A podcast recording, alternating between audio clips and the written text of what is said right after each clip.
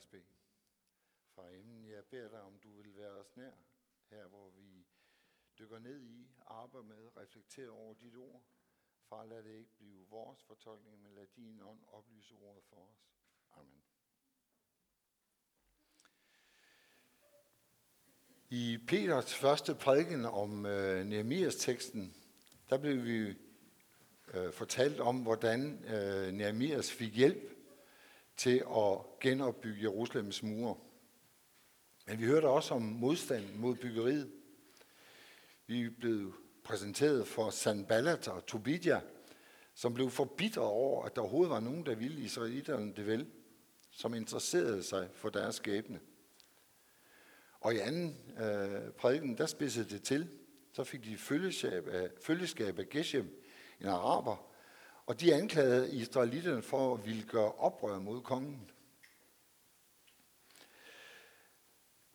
Og kongen og Nehemias svar til den var, at de faktisk gjorde Guds vilje. At Sanballat og hele den der uheldige træenighed, som de udgjorde, ikke havde nogen som helst ret eller del i Jerusalem. Jerusalem var forbeholdt Guds folk. I afsnittet i dag kommer de igen, og nu er de helt oppe at køre over, at Jerusalems mure bliver genopbygget. Og det kan ingen godt undre. Jerusalem, det var en ruinhåb. Det hele var i forfald. Der boede ikke mange mennesker i et ugæstfrit, goldt område. Hvorfor i alverden bliver de så ophidset? Hvorfor har de så travlt med, at jøderne er ved at genopbygge Jerusalems mure? Og umiddelbart, så kan det se mærkeligt ud. Jeg tror, at hver eneste gang, at Gud flytter sit folk, hver eneste gang Guds folk arbejder for at genopbygge, for at opbygge Guds rige, så kommer der en reaktion. Så kommer der en reaktion fra den onde igennem mennesker, der vil forhindre det, der vil spænde ben, der vil ødelægge og nedbryde. Lad os læse det første tekstafsnit til i dag, og der må I gerne rejse jer. I det efterfølgende behøver I ikke at rejse jer. Vi tager det bid for bid, men nu rejser vi os i respekt for ordet. Da Sanballat hørte, at vi var i gang med at genopbygge muren, blev han rasende, og han begyndte at spotte judæerne. Han talte til sine landsmænd og til herren i Samaria og sagde, hvad er det, disse elendige judæer laver? Vil de virkelig bygge muren? Vil de ofre og gøre det færdigt på en og samme dag? Vil de gøre de forbrændte sten i grusstykkerne levende? Og ammonitten Tobidia, som stod ved siden af ham, sagde, selvom de bygger den op, så kan en rev lave hul i deres stenmur, hvis den springer op på den. Amen.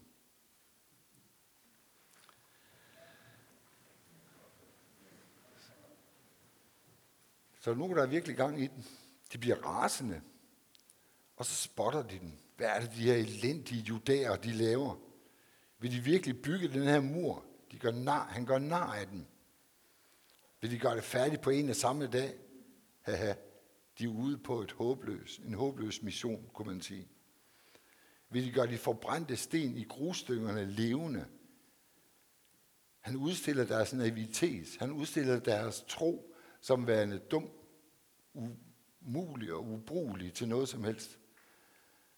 Og Tabitja, han er sådan en, en følger, oplever jeg ham i hvert fald. Han er sådan en, der, der snakker lidt efter munden. Han får en god idé. Han vil sige, at hvis en rev, sådan et ganske lille dyr, hopper op på muren, så er den faldet sammen. Så her får vi spotten og foragten. Først hørte vi om, at de gjorde oprør mod kongen. Det var en alvorlig anklage længere. Hele samfundsordenen stod på spil, hvis jøderne fik lov til at genopbygge muren. Jeg ved ikke, om I kan kende det der angreb. Det første angreb. Det med at gøre oprør mod samfundet. Der bliver vi også nogle gange anklaget. Anklaget for, at vi går imod demokrati og ligestilling. Mathias Tesfaye sagde på et tidspunkt, at Gud står altså ikke over grundloven.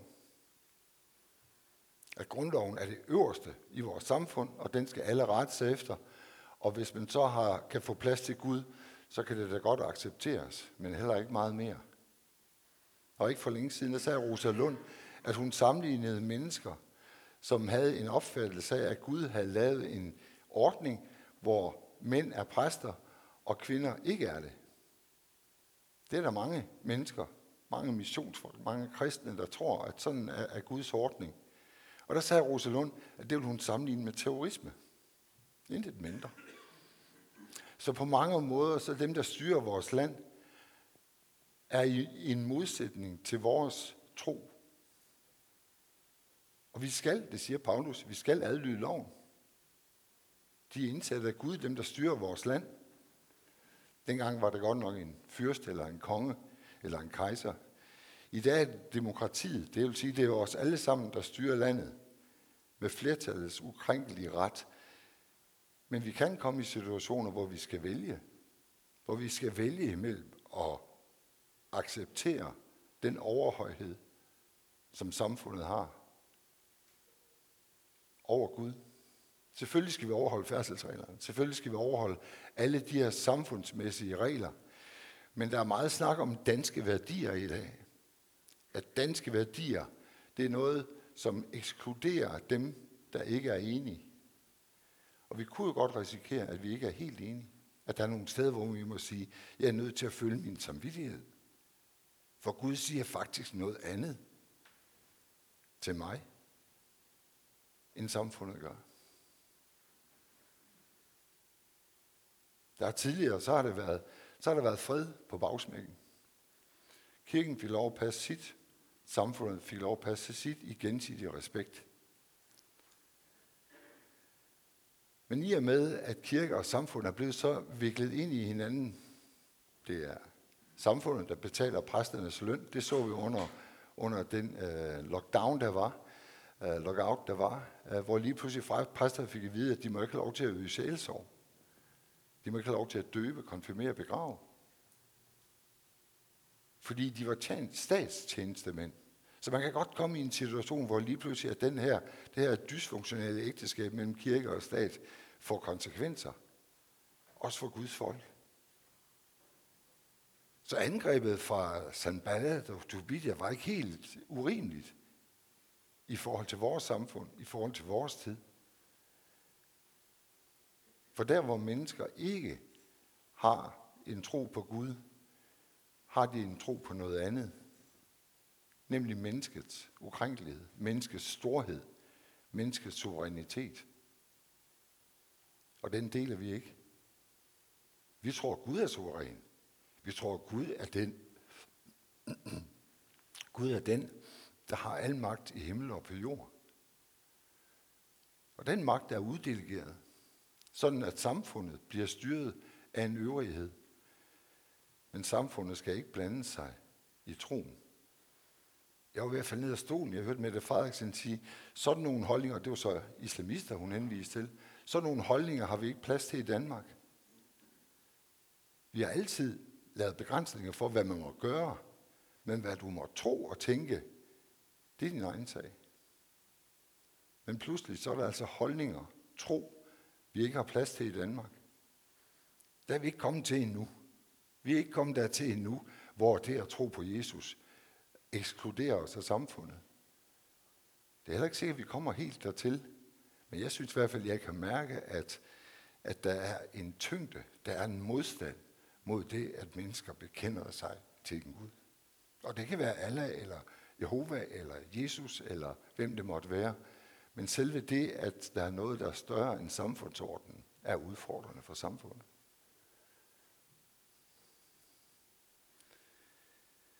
Så kommer andet angreb. Og det var det stykke, vi lige hørte her. At Sanballat, han talte ikke sådan på en sæbekasse ud til folket, men det var herren i Samaria, han talte til. Han ophisser herren. Han håner jøden og giver de her soldater i herren i Samaria et indtryk af, piece of cake, dem kan vi lige snuppe. De her elendige jøder, som man kalder dem. Og der ser jeg igen også en parallel til i dag. Ikke at der er herrer, der ruster op mod, mod, øh, mod Guds folk, men alligevel ser vi jødeforfølgelser, antisemitisme. Muslimer bliver nedgjort på deres tro, latterliggjort. Der er mennesker, der hellere så alle muslimer smidt ud, som den tidligere præsident i USA ønskede egentlig at, at sende alle muslimer ud af USA. Og det er en, igen et angreb på de mennesker, der har en tro på Gud. Og det tredje angreb, latterliggørelsen. Selv, selvom de bygger den op, muren, så kan en rev lave hul i deres stenmur. De er ufornuftige, uforstandige, de er dumme. Jeg kan huske, der var en artikel i Jyllandsposten, som, som mente at have fundet ud af, at folk, der troede på Gud, de var mindre intelligente end andre. Det er specielt. Jeg, jeg kender nogle meget intelligente mennesker, som faktisk ikke tror på Gud, men, men derfra og til at lave den konklusion, det er et udtryk for den latterliggørelse, som vi bliver udsat for. Hvis du tror på Gud, så er du ikke særlig klog. Uh, og hvad svarer Nehemiah så til alle de her angreb, han blev udsat for? Lad os læse næste afsnit. Hør vor Gud, hvordan vi er genstand for foragt. Lad deres hånd komme over deres eget hoved, og lad den blive udplyndret i et land, hvor de sidder i fangenskab. Lad ikke deres skyld være skjult, og deres synd blive slettet for dit ansigt, for de har krænket dem, der bygger. Men vi byggede muren, og hele muren blev bygget sammen i halv højde, og folket havde mod til at gå videre. Nemias han svarer med bøn. Han begynder ikke at diskutere med fakten og fortælle, at deres bevæggrunde og motiver, han begyndte ikke at, at øh, vise, hvor mange våben de havde, eller hvad de havde tænkt sig. Han beder. Ganske vist så ønsker Nehemias her, at, øh, at Sanballat, samarierne, ammonitterne, araberne bliver ramt af deres egen hån. At de kommer til at sidde, blive udplyndret og være i et land, hvor de sidder i fangenskab. Det er ikke den måde, vi svarer på. Vi svarer i bøn, men Jesus har lært os at elske vores fjender også. Han har lært os at vende den anden kind til. Vi bliver lidt så let vrede over det, der rammer os. Så der er i den onde strategi to ting her. For det første, selve angrebet. Men for det andet er det vores reaktion. Hvis vi bliver lige så hadske, lige så negative, lige så fjendske, som dem, der angriber os, så er vi faldet. Så er vi faldet for den anden fristelse. Fristelsen til at svare igen med samme mønt. Fristelsen til at latterliggøre dem, der mener noget andet end os, og som måske har angrebet os. Og der synes jeg, det er opmuntrende at se, hvordan israelitterne reagerede på modstanden. Vi byggede muren, byggede på muren, og hele muren blev bygget sammen i halv højde, og folket havde mod til at gå videre. De lader sig ikke anfægte. De fortsætter det, de har gang i. De fortsætter med at opbygge Guds rige, uanfægtet af trusler og latterliggørelse og alt det andet, de mødte fra deres omverden. Så vi vil også møde modstand. Vi vil også møde foragt. Vi vil også møde alle de her ubehagelige ting. Men vi skal bare fortsætte med at bygge videre på Guds rige i hele Danmark, i Randers, i Hobro eller Ørum, eller hvor vi nu øh, befinder os. Og man kan sige, giv, at det så var det. Giv deres trængsler nu var forbi, men nej. Nu er vi kommet til kapitel 4, og der læser vi. Da Sanballat og Tobidja og araberne, ammonitterne og ashtoditterne hørte, at udbedringen af Jerusalems mure skred frem, efterhånden som brudene blev fyldt ud, blev de meget vrede. De dannede alle en sammensværgelse for at angribe Jerusalem og skabe forvirring for mig. Men vi bad til vor Gud at sætte vagtposter imod dem til værn for byen dag og nat. I Juda sagde man, bærenes kraft nedbrydes. Der er så mange murbrokker, vi er ikke i stand til at bygge på muren. Så nu vil modstanderne angribe med list og magt. Og nu har de fået endnu en allieret, Astoditterne. Byen Astor ligger ude ved øh, Middelhavet. Så før der havde de Sanballat i nord, de havde Tobidja i øst, de havde Geshem og araberne i syd, og nu har de altså også fået en modstander i vest, Astoditterne. Så navnet Astoditterne er ikke kun dem, der bor i byen, men det er hele det område, der ligger vest for Jerusalem, som er kaldt Astod.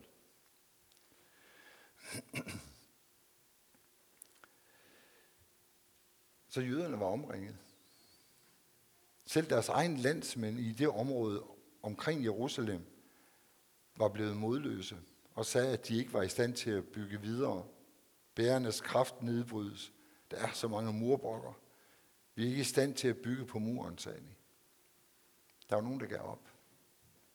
Det nytter jo ikke noget. Fjenderne er så mange. Modstanden er så stor. Latterliggørelsen gør så ondt. Vi må hellere bare pakke sammen og lade det være.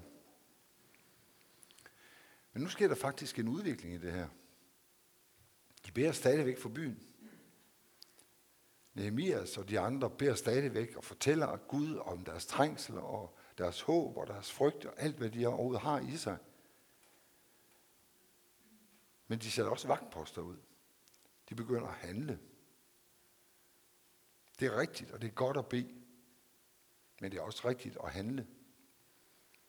Her sætter de vagtposter ud, så de kan forsvare sig, hvis fjenderne skulle finde på at angribe dem.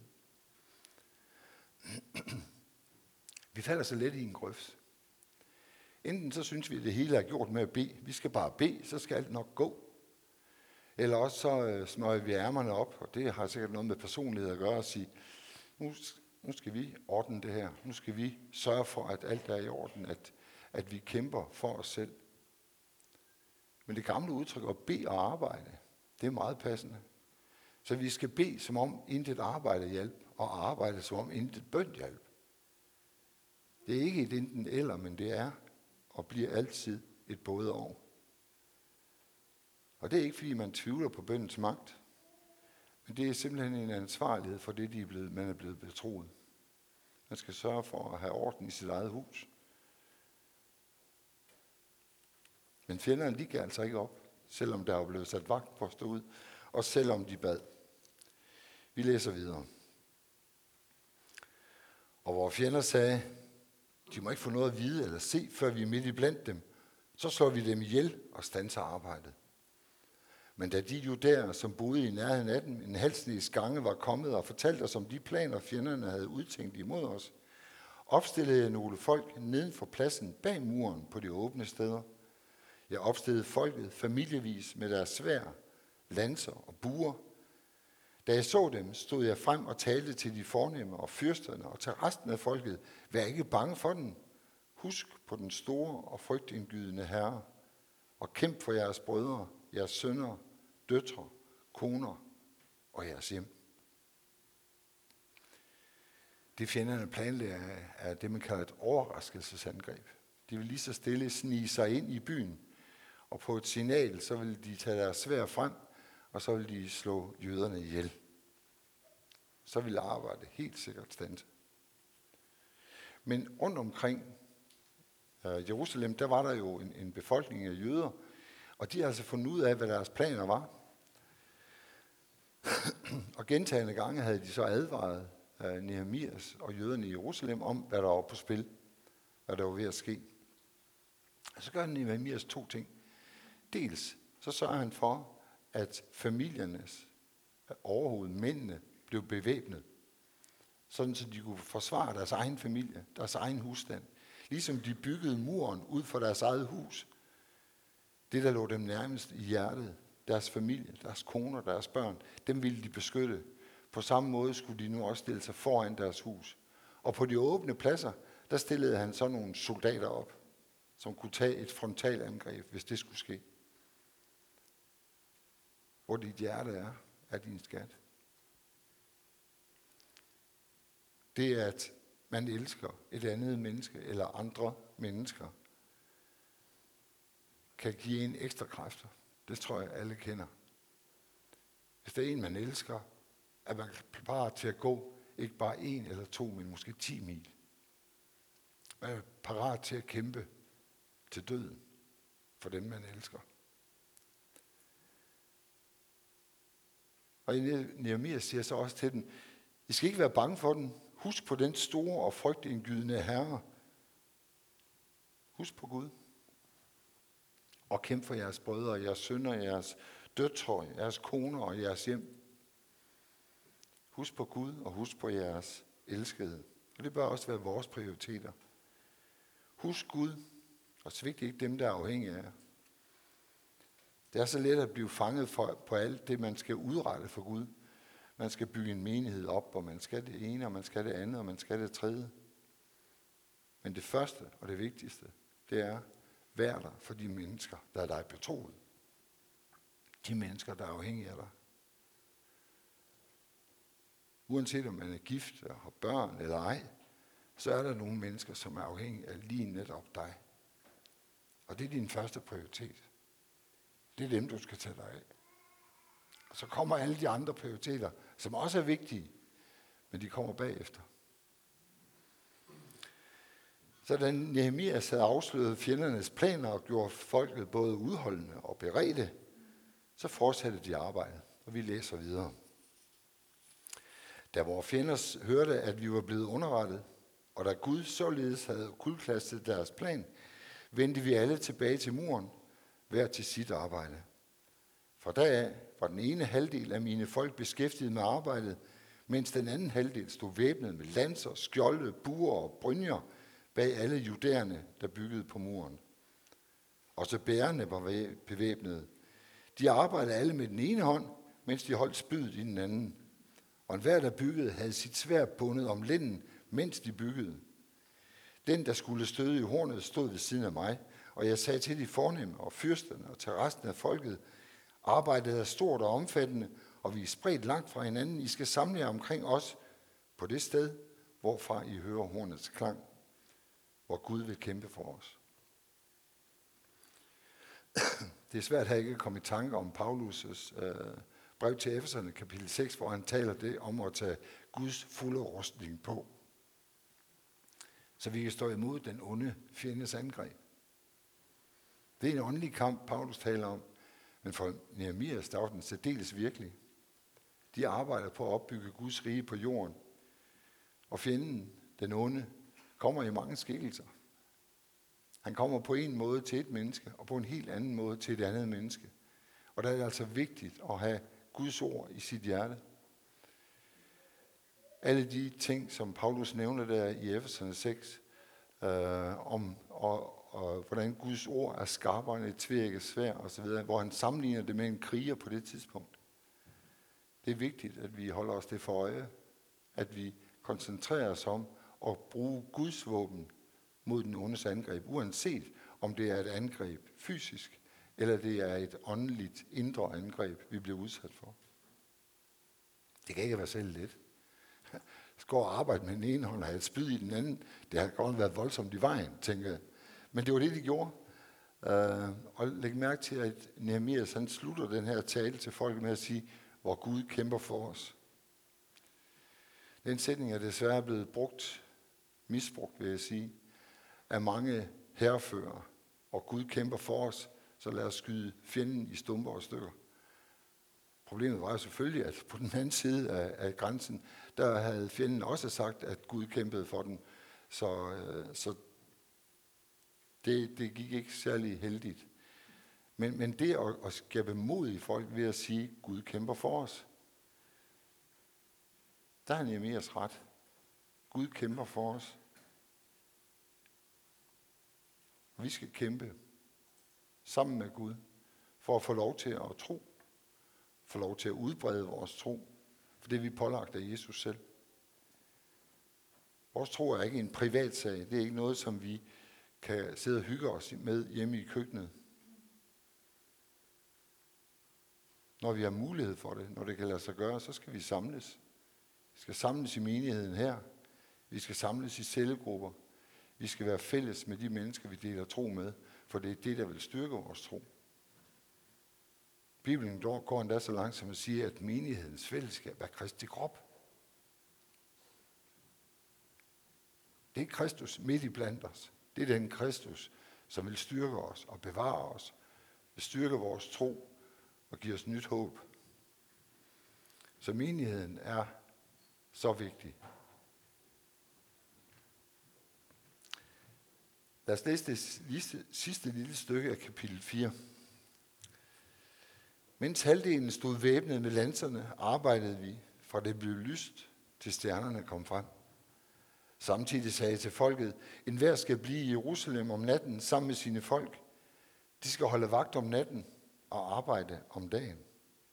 Og hverken jeg, eller mine brødre, mine folk, eller vagterne i mit følge, tog tøjet af.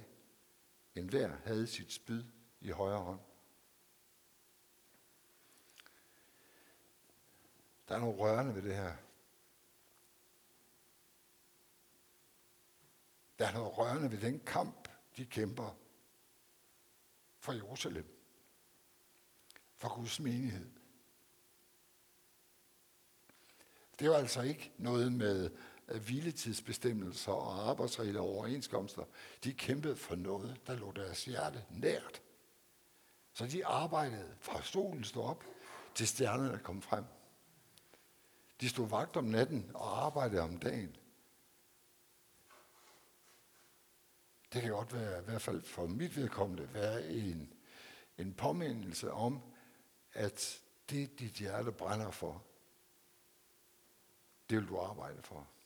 Også selvom du nogle gange kan blive træt, nogle gange kan miste lysten, nogle gange en hel masse ting og sager.